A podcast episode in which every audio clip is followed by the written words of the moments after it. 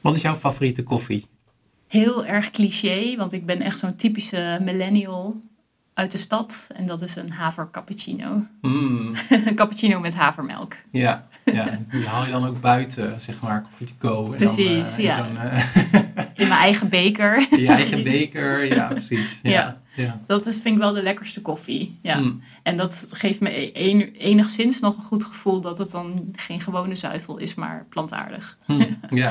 En merk je het, is het echt heel anders? Ja, ik, ik heb dat zelf nooit echt van die blindproeverijen gedaan. Van cappuccino met eh koemelk en havermelk. Volgens mij maakt het niet zo heel veel uit. Nee, ik vind havermelk wel echt, eh, echt wel heel erg lekker ten opzichte van eh, amandel of soja of andere. Omdat die heel, eh, ja, misschien is dat dan ook de barista versie, maar die Ja. kunnen ze heel erg goed opschuimen. Ja, Dus dat, eh, en is ook heel ja, vol van smaak. Dus, eh, ja, ja. ja. Het is een, echt een cliché. Het is Maar echt een cliché, maar wel lekker. Ja, mijn favoriet is een flat white met, met haver. Melk Ja. ook, sinds kort. En waarom, dat hoor je in deze podcast. ja, heel goed. Maar ehm, verschil ten opzichte van een, van een flat white ten opzichte van een cappuccino is dat een eh, flat white is eigenlijk een dubbele espresso met eh, opgeklopte melk. En een cappuccino is volgens mij een enkele espresso. Dus- Ja, en eigenlijk is een flat white volgens mij met minder schuim. Oh, ook En- weer met minder schuim. Ja. Meer koffie, minder schuim. Ja. Ja. Nou ja, ben je barista? Je luistert hier naar. Ik denk, oh mijn god. Stuur, stuur ons een berichtje. Maar, en- Maar ik vind overigens gewoon filterkoffie, eh, gewoon zwart, ook hartstikke lekker. Ja, Ja. ja ik ook. Zo'n lekkere pot eh, zetten. Dan, denk, dan Ja. zeg mij ook echt wel in de moed om aan het werk te gaan. Want, ja, eh, precies. En we hebben het over filterkoffie, hebben we het zo ook nog even. Ook nog, ja. ja er is heel veel verwijzingen al in deze preview. Precies. Eerst maar eens luisteren dan.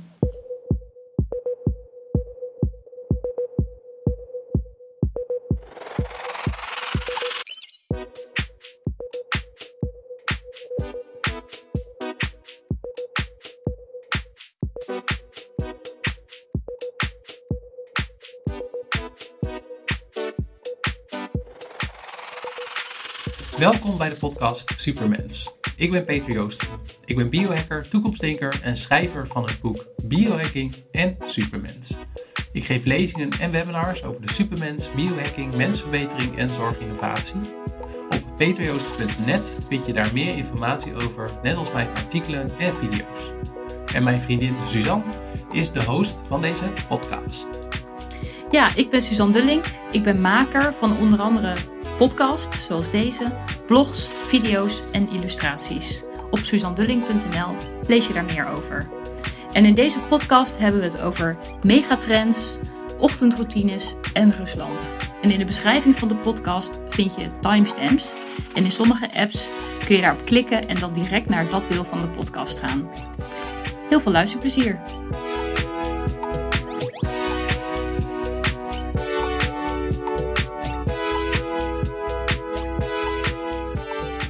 Nou, we beginnen met een backstage pass, zoals altijd. En we hebben weer drie eh, onderdelen: een persoonlijk stuk, een zakelijk stuk en iets over de toekomstscenario's. Allereerst persoonlijk. Wat wil je met ons delen? Ja, ik heb een eh, verhaal voor deze keer. Kijk, vertel. En, ehm, nou, we, we waren onze koffiekan kwijt. En het is het eh, jaar 2006 en ik, het is wel heel lang geleden. En ik lig met twee huisgenoten op de bank in ons studentenhuis. En we zijn brak, wat je natuurlijk wel vaker hebt als student. Dus wat we eigenlijk nodig hebben is gewoon koffie, gewoon zwarte koffie. Alleen we hadden wel een probleem, want de koffiekan was eh, weg.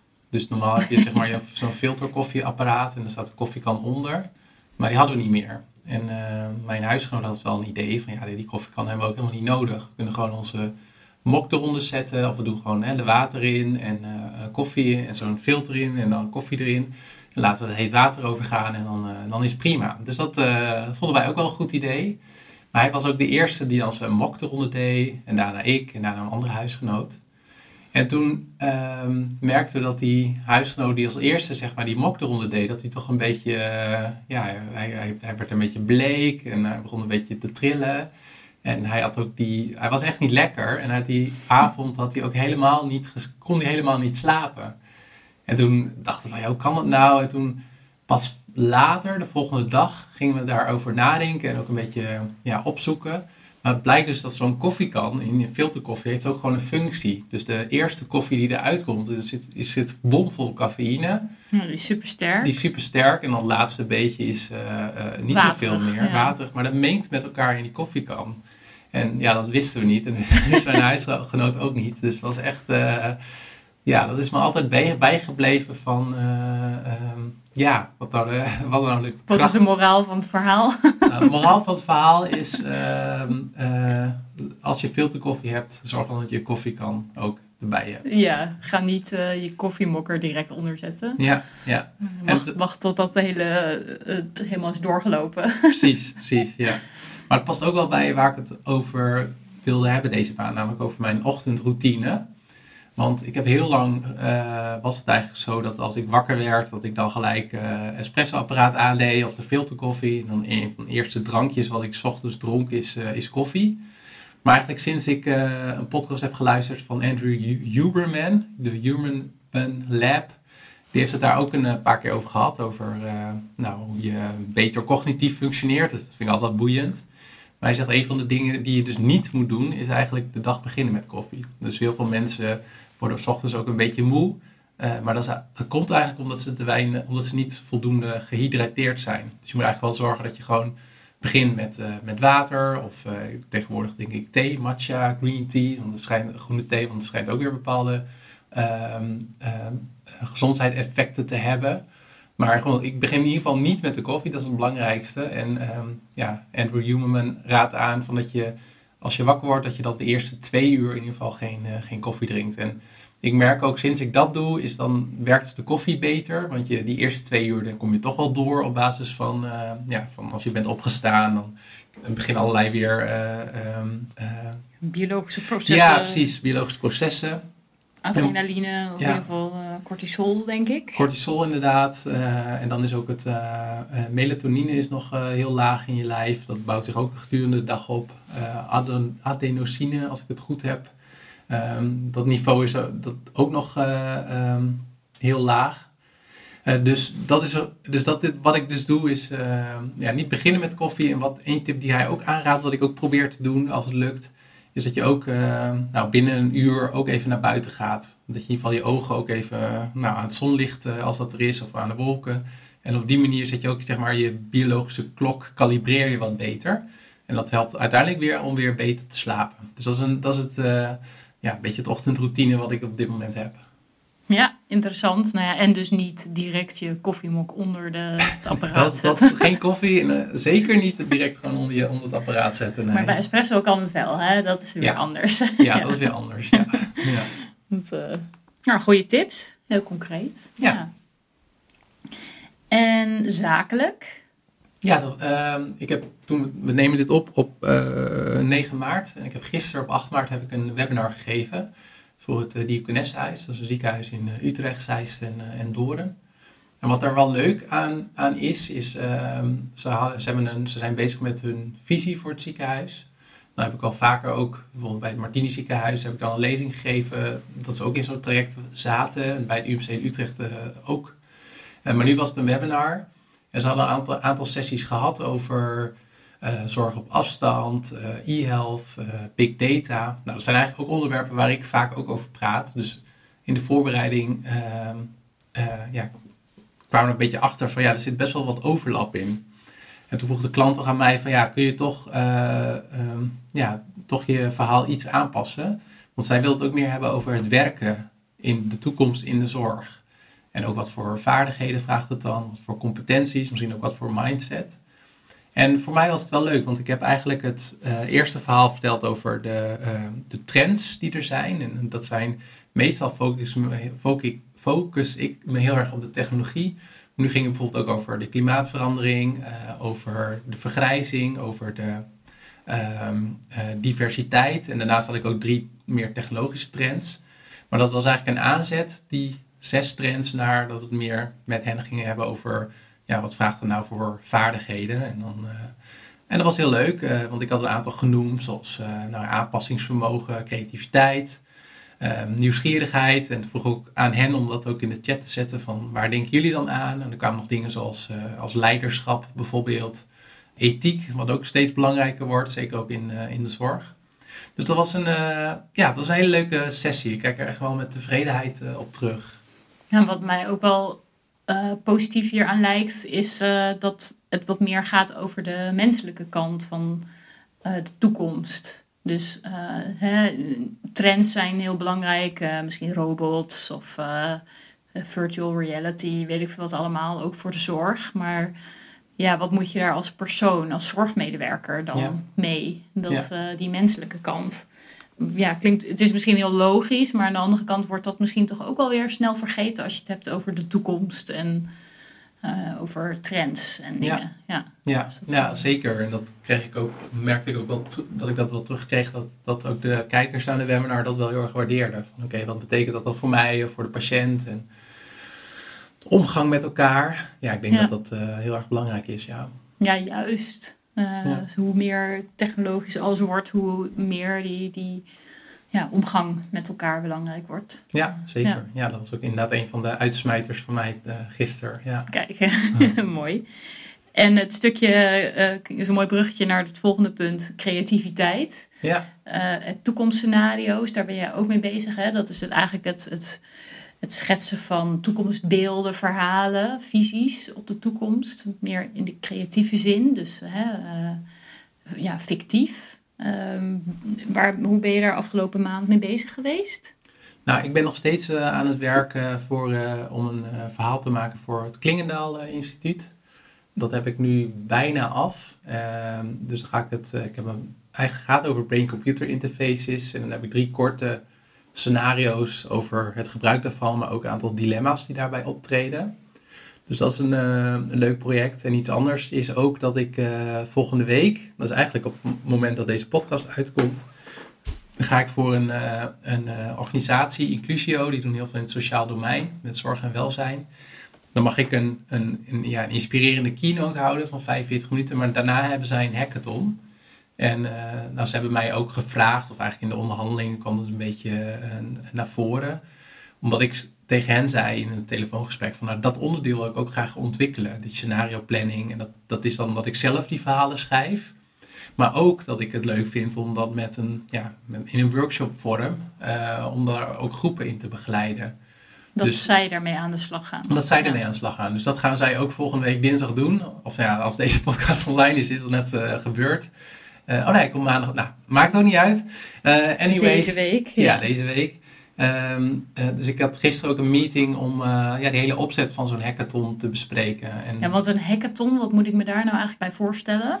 Ja, een goede vraag. Want dan denk ik aan hackers met allemaal computers, maar dat is ja, dus niet zo. Nou, dat is denk ik misschien wel de, de oorsprong. Uh, Dat je binnen een hackathon bijvoorbeeld in 24 uur of 48 uur als team en, en, en, en een soort van eerste versie van een app bouwt voor een probleem. Of een, uh, dat, uh, maar bij, bij die sessie die, waar ik ook een rol ga hebben, ook meer in, ja, bij de groepjes langs en ook, ja, hen ook met hun sparren en, en pitchen, gaat het meer over dat zij op papier of in een videopitch, dat ze dan uitwerken van hoe ziet hun dienstverlening er dan uit in 2030 bijvoorbeeld. Dus dat is meer, dus het is niet echt meer een, een soort creatieve sessie ja.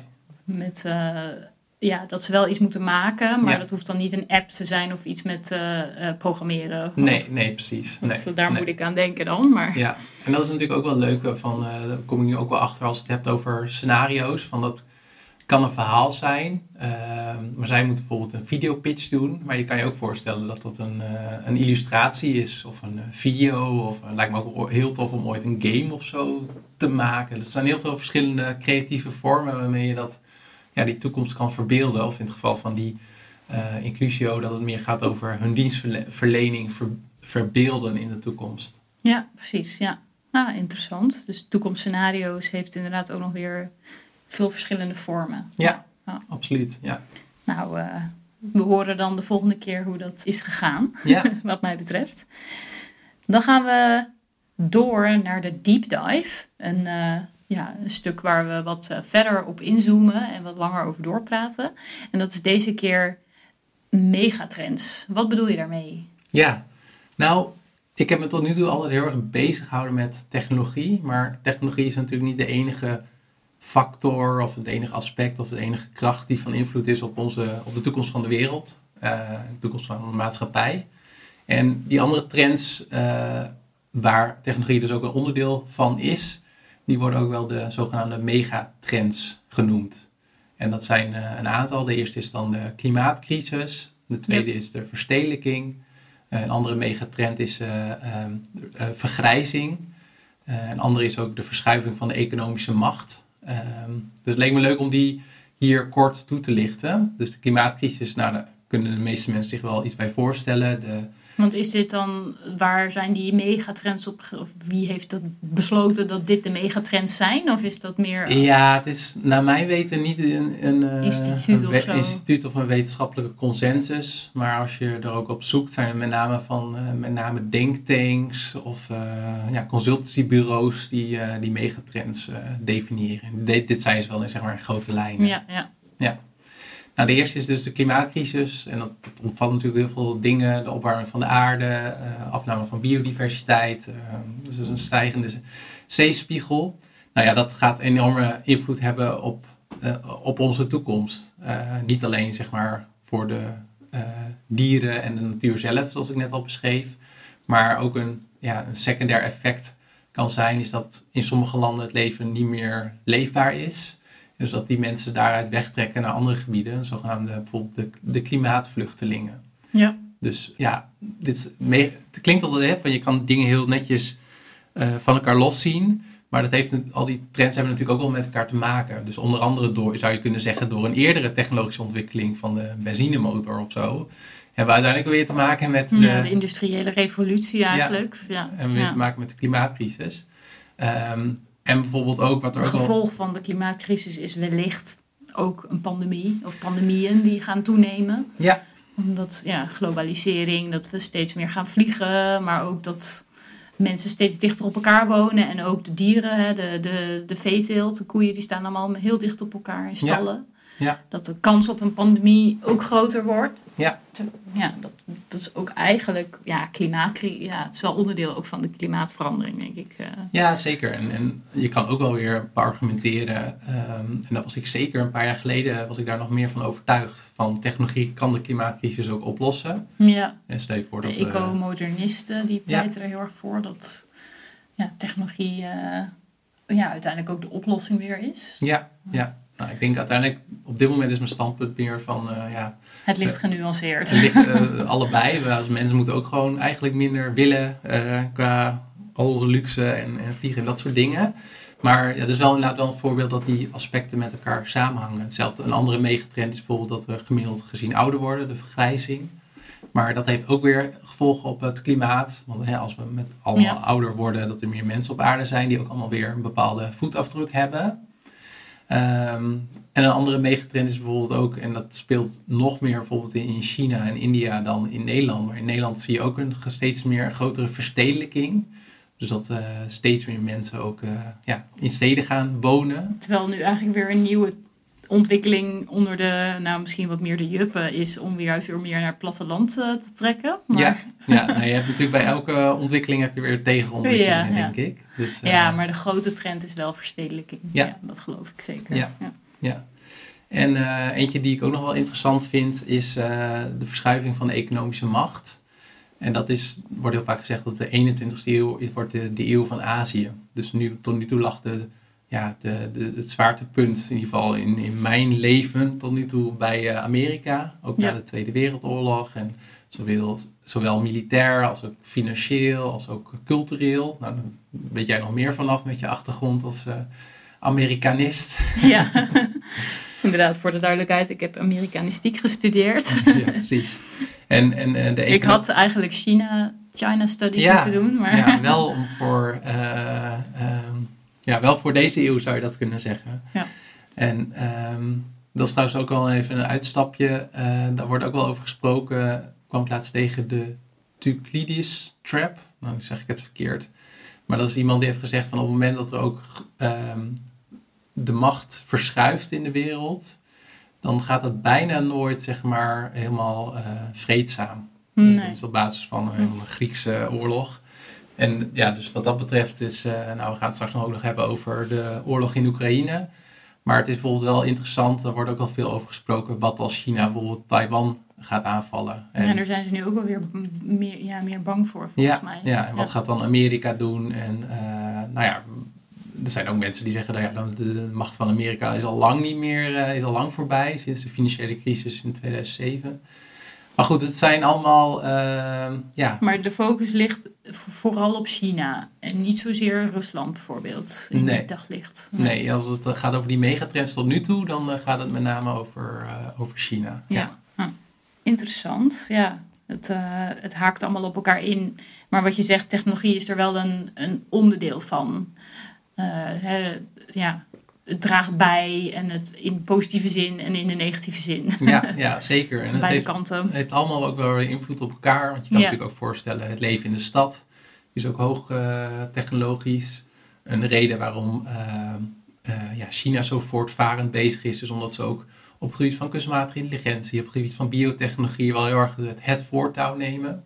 Ja. Uh, misschien ook dat ze daardoor ook uh, gemiddeld langer gaan leven. Dus al die dingen hebben invloed op elkaar. En ik merk dus bij mezelf een soort van, uh, ja, hoe zeg je dat? Tendens of verschuiving. Dat ik heel erg was gericht op die technologie in de afgelopen jaren. Natuurlijk met name het menselijk lichaam en, en mensverbetering, dat soort dingen. Maar dat ik nu, ja, in, in, meer het grotere plaatje ja. ook uh, meer in de context wil, uh, ja, wil zien. Ja, ja, ik vind dat interessant. Uh, ook nou, waar we net over hadden met het uh, Diakonessenhuis bijvoorbeeld, met de webinar komt dat ook weer terug. En, ja, dus ook vaardigheden van mensen in de toekomst. Ja. Dat soort dingen. Ja, ja. dus nou ja, ik, ik maar dat betekent ook wel wat ook voor uh, hoe zou ik het zeggen? Tot nu toe was ik ook in de dingen die ik las en in nieuwsbrieven en zo. was heel erg over technologie. En nu merk ik dus dat ik wat breder geïnteresseerd begin te worden. Dat ik eigenlijk alle nieuwsbrieven niet meer kan bijhouden. Dus ik moet eigenlijk ook weer wat dingen niet meer gaan lezen. Of niet meer gaan luisteren. Om, uh... wat, wat zijn voor jou wel echt aanraders? Waarvan je denkt van nou dit boek, deze podcast of deze nieuwsbrief is wel echt een aanrader, ook meer op dit gebied. Dus op het gebied van die megatrends of bepaalde schrijvers, denkers. Ja, ik ben altijd wel fan van uh, Yuval Noah Harari. Ja. Um, sowieso. Dus de, de 21 lessen voor de 21ste eeuw. Volgens mij ja. staat dit daar ook wel grotendeels in. Ja, ja zeker. En uh, qua nieuwsbrief uh, ben ik wel fan van Exponential View. Dat is een, een Engelse nieuwsbrief. En ik vind ook Future Affairs van Wouter van Noord vind ik ook goed omdat die soms gaat die uh, over blockchain, echt technologie, maar gaat ook wel steeds vaker over ja, klimaat, dingen en uh, ja, allerlei, al, eigenlijk al die verschillende aspecten. Dus die, ja, ja ik denk ja, dat ik die zou aanraden. Ik wil zeggen, tegenlicht, ja. documentaires, die zijn ook altijd wel uh, enerzijds veel over technologie. We hadden er laatst eentje gezien over NFT's. Ja. Maar het gaat ook wel meer in de, over duurzaamheid, over China, ja. uh, dat soort dingen. Ja, ja zeker. Tenminste, ja. dat vind ik wel een aanrader. Ja, dat is. Om grote trends en dingen, ontwikkelingen in de maatschappij, technologie, maar breder dan dat, ja, om tegenlicht uh, te kijken. Ja. ja, ik zal ze ook alle dingetjes, alle titels in ieder geval bij de show notes uh, zetten. Ja. ja, en wat ik ook nog wel een aanrader vind, is het boek Factfulness van Hans Rosling als ik het goed uitspreek. Dus eigenlijk wel een iets positiever, uh, positievere blik op de wereld. Maar hij omschrijft heel mooi hoe dat zit met uh, um, ja, toen, toenemende wereldbevolking. En uh, ja, grote, eigenlijk ook grote trends en grote ontwikkelingen in de wereld. Maar dat heel veel dingen die we niet zien in het nieuws eigenlijk ook heel positief zijn. Maar dat, dat boek, dat vind ik ook echt een aanrader als je uh, ja, meer wilt ja, weten over grote ontwikkelingen in de wereld. Ja, ja. ja die heb ik ook gelezen. Ja, zeker een aanrader. Ja, ja, dat is gelukkig ja, iets minder pessimistisch ook. Ja, als je nu zeker ook met die oorlog natuurlijk het nieuws... Soms voel ik me echt wel een beetje somber over wat is nou de... Waar moet, gaat het nou toe met de wereld? Maar ja. nou ja, dan is dat boek wel een soort van goede, goed antimiddel daartegen of zo. Ja, precies. Om nog wel een beetje hoopvol te blijven. Ja. Ja. En ik denk dat we dat ook nodig hebben of zo. Ik denk dat je toch wel, ja, weet ik niet hoor, dat je toch. Het kan ook wel een soort van gevoel van, de, hoe heet dat? Deviatie. Nou ja, dat je denkt van, het maakt toch allemaal niet Ja. uit, onverschilligheid. Maar ik denk Ja. dat het toch, ja, ook wel er goed is dat we wel hoop hebben of zo. Ja, Precies, ja, van ja, wat maakt het nou nog uit? Wat, doe ik, of wat draag ik nou bij? Of wat kan ik nou doen tegen de klimaatverandering? ja, Dat, uh, ja, hè, dat ene stukje vlees wat ik niet eet, dat, uh, heeft dat nou zo'n zin? Maar ja. ja, alle kleine beetjes helpen toch ook wel. Ja. Dus, ja. ja. Oké, okay, de megatrends, interessant. Uh, dan gaan we door naar de bullets. Um, dat zijn er eigenlijk ook altijd drie. En de eerste is een tool of tech. Dus een, een leuke tool, interessante, ja, iets, iets, een gadget of wearable of iets waarvan jij denkt dat is echt een aanrader. Ja, en de eerste is, en ik, ik had het, het is al een tijdje geleden dat ik het heb gebruikt, maar het kwam weer even onder mijn aandacht omdat ik uh, het interview wat ik hierover heb gegeven voor de BBC, uh, die is uh, online. Dus in de nieuwsbrief zet ik die er ook wel even bij. maar wat ik heb getest is een, ja, een continue insuline sensor van het project Clear Health uit Amsterdam. Dat is een start-up daar. En die baseren zich eigenlijk op een onderzoek van een paar jaar geleden uit Israël. Daarbij hebben ze gekeken naar wat eten mensen en hoe reageert hun bloedsuiker. En uh, wat is ook de samenstelling van hun darmflora en wat doet het met hun gewicht. En volgens mij ook hebben ze dan ook gecontroleerd voor hoeveel mensen uh, aan het bewegen waren. En zij, die onderzoekers, kwamen erachter dat mensen eigenlijk heel, heel of het bloedsuikerniveau van mensen reageert heel verschillend.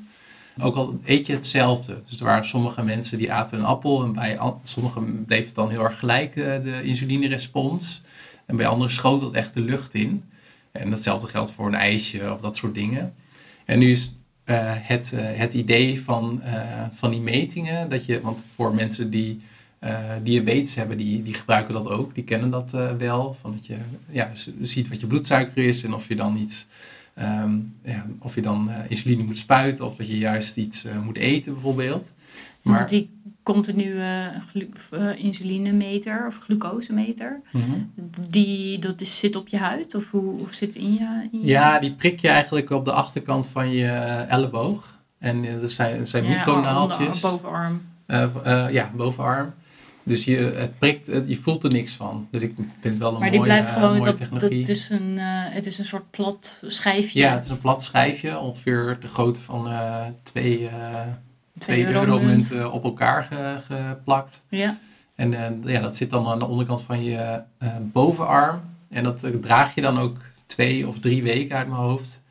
En terwijl je dat draagt, log je ook op een app. Zeg je van, nou, ik heb nu een appel gehad, ik heb nu koffie gehad, ik heb nu ja, je moet het wel zelf bijhouden wat je eet. Ja, en dan gaan zij dat analyseren en dan krijg je een rapport Maar leest die, heb je dan een app die dat uitleest? Of moet je je telefoon Ja. bij het dingetje houden? Ja, Of- je moet hem af en toe inderdaad eh, erbij houden en dan synchroniseert hij. ja, het is gewoon puur even voor Ja. het beeld van hoe werkt zo'n ding. Ja, Maar, ja, ja. nee, dan hou je hem de, ik doe hem voor, maar mensen kunnen niet zien, maar dan hou je hem inderdaad er tegenaan en Je dan. NFC of eh, volgens mij, of, ik denk NFC-technologie, synchroniseert hij dat. Ja, en leest die, kan die op je app laten zien wat je bloedsuikerspiegel Ja. de afgelopen uren is geweest. eh. Precies, ja. ja. ja.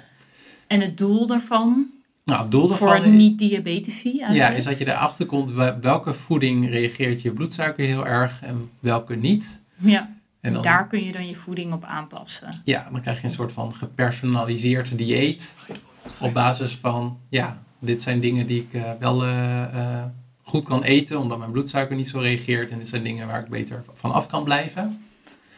Dat Want dan. het idee is ook dus eigenlijk dat je liever wil dat je bloedsuikerspiegel niet te veel schommelt. Ja, ja, Ook exact. als je geen diabetes hebt. Ja, dat is een theorie binnen de longevity eh, wetenschap. Dat hoe stabieler je bloedsuiker is, hoe langer je leeft. Hoe gezonder ja, je hoe bent. gezonder het Ja. is. Ja. Ja.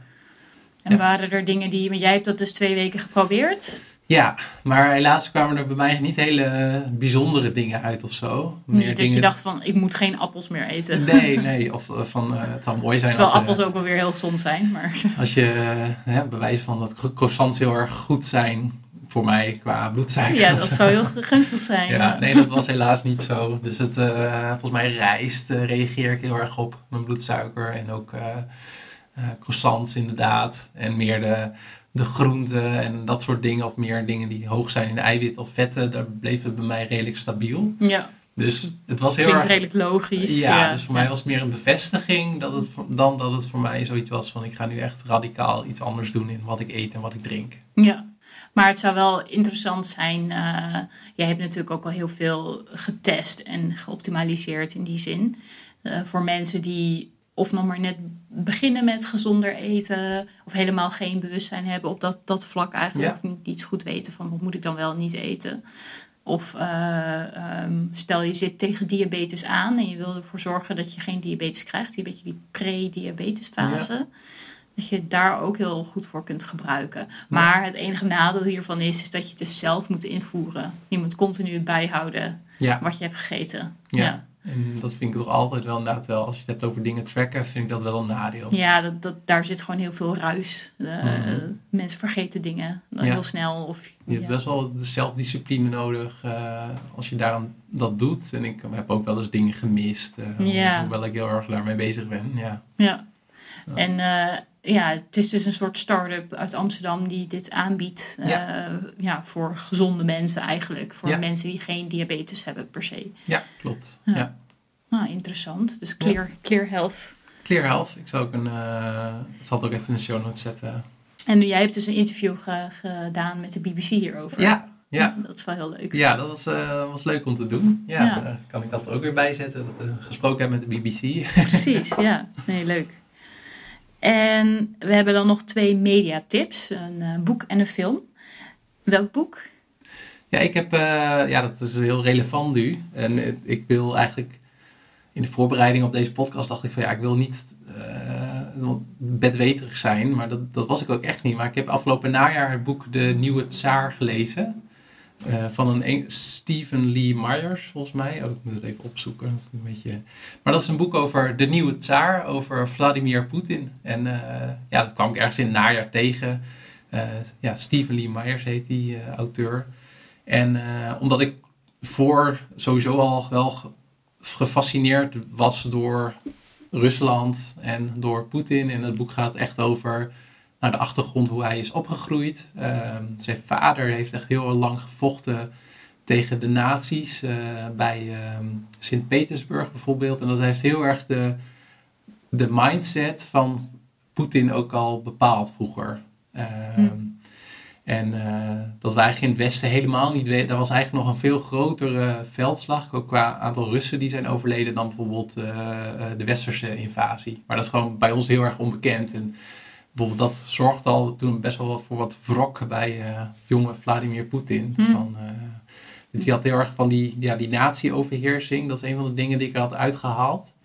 En iets anders was dat hij. En daar refereert hij nu eigenlijk ook weer naar. Hè? Dat is wel interessant. Ja. Dat hij vindt dat uh, de naties in Oekraïne de macht hebben. Wat natuurlijk volstrekte onzin is. Maar hij refereert daar wel weer naar. Naar die uh, geschiedenis. Uh, ja, dus dat zit hem wel hoog, ja, blijkbaar. Ja, ja, en als je dan het boek leest, Nieuw het Saar, wordt het wel meer duidelijk waar dat dan vandaan komt. Ja. Uh, en iets anders wat ik ook wel interessant vond, had ik even een quote gaat, dat hij al heel snel bewust was van, van de grondstoffen die Rusland heeft. En dan gaat er nu, wordt ook gesproken dat het ook gaat rondom, zijn, rondom die invasie in oorlog in Oekraïne. En dat het meer rondom over grondstoffen gaat. En de quote uit het boek is van... de grenzen tussen staat en bedrijfsleven begonnen zo te vervagen dat men de regering Rusland Kremlin Inc. begon te noemen. Met Poetin als bestuursvoorzitter. Hij gedroeg zich niet alleen als bestuursvoorzitter van Gazprom, maar van alle grote bedrijven en hij was betrokken bij elke zakelijke transactie van groot belang.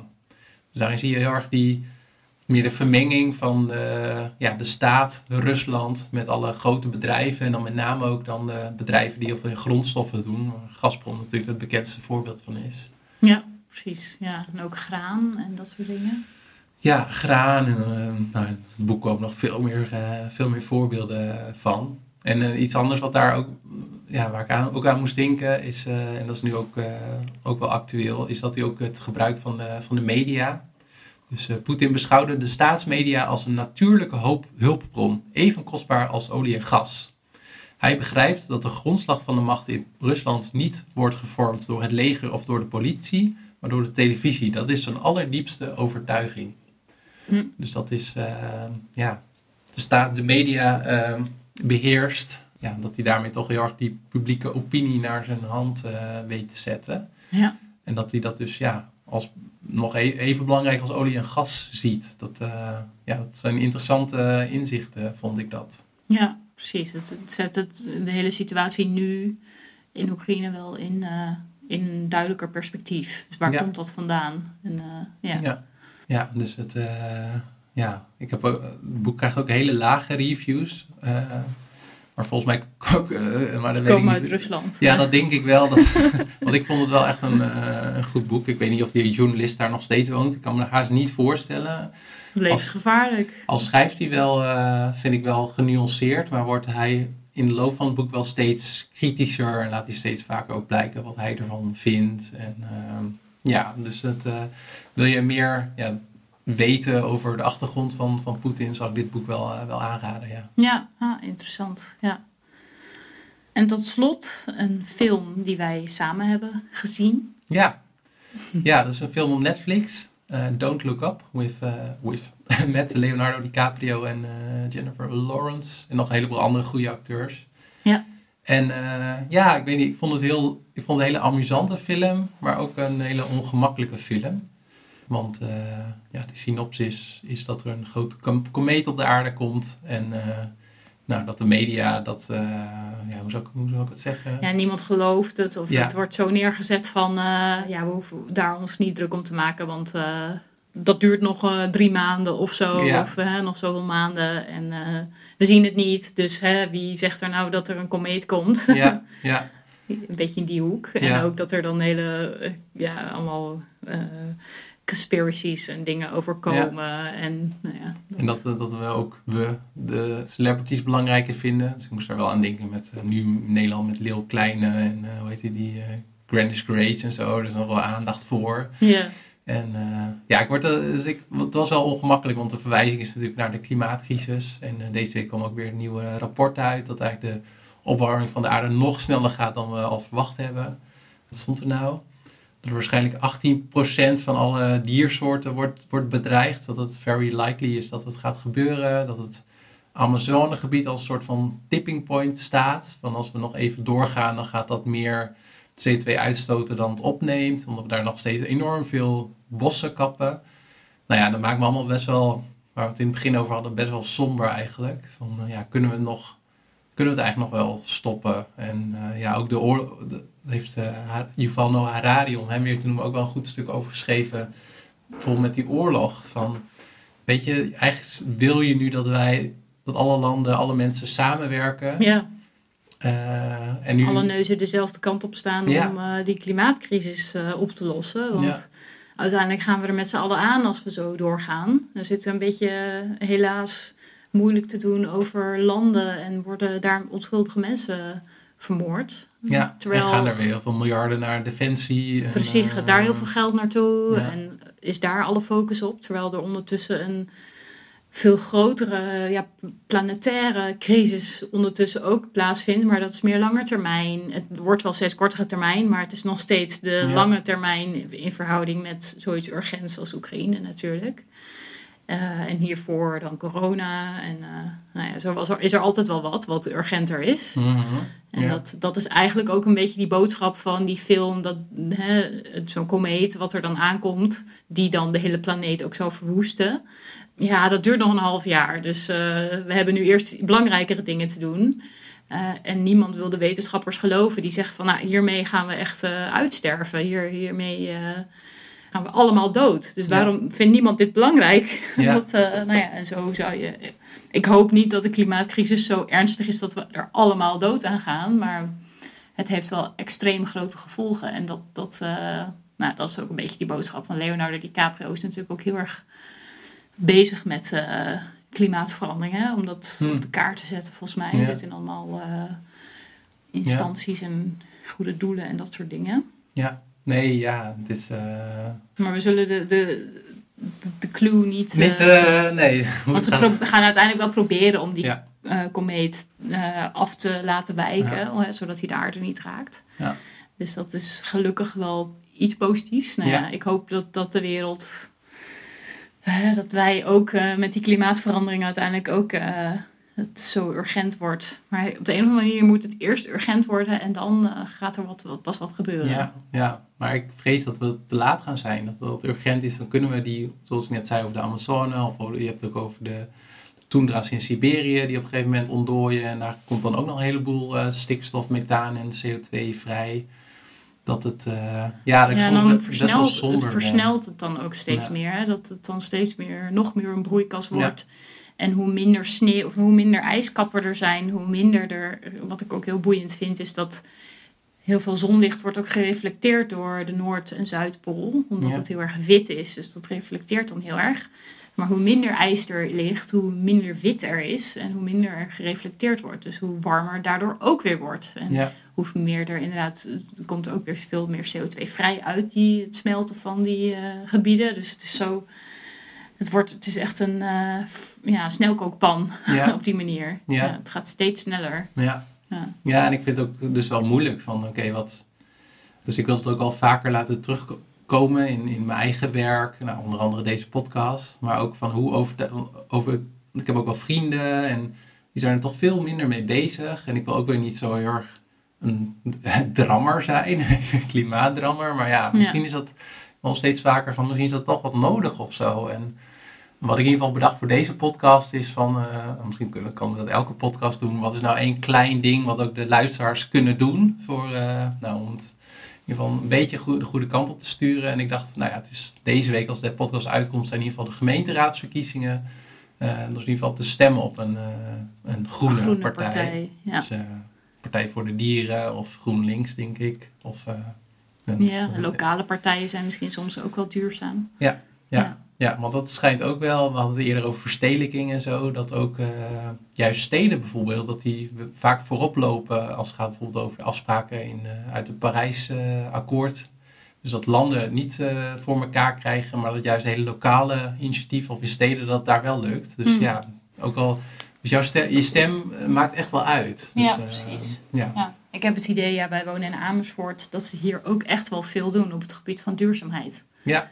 Dat, ik heb het idee meer actief dan in, in Nederland als land, inderdaad. Ja, ja dus dat is. Uh, uh, ja, dus als je daar een steentje aan kan bijdragen, dan zou ik zeggen van, van doe dat. Ja, precies. Stem op een groene partij. Ja, er zijn er nu een aantal luisteraars die nooit meer naar ons gaan luisteren. Nee. Dat, ja, dat, jammer dan. Ja. ja. Dit is onze boodschap. Precies. Nou, dat, dat was hem weer voor deze maand. Heel erg uh, bedankt voor het luisteren. En de show notes staan bij de beschrijving van deze podcast zelf, inclusief timestamps. Dus dan kun je gelijk naar het onderdeel gaan waar jij naar wil luisteren. Ga naar peterjoosten.net voor lezingen, webinars, de tweewekelijkse nieuwsbrief, blogartikelen, boeken en nog veel meer. En tot de volgende aflevering.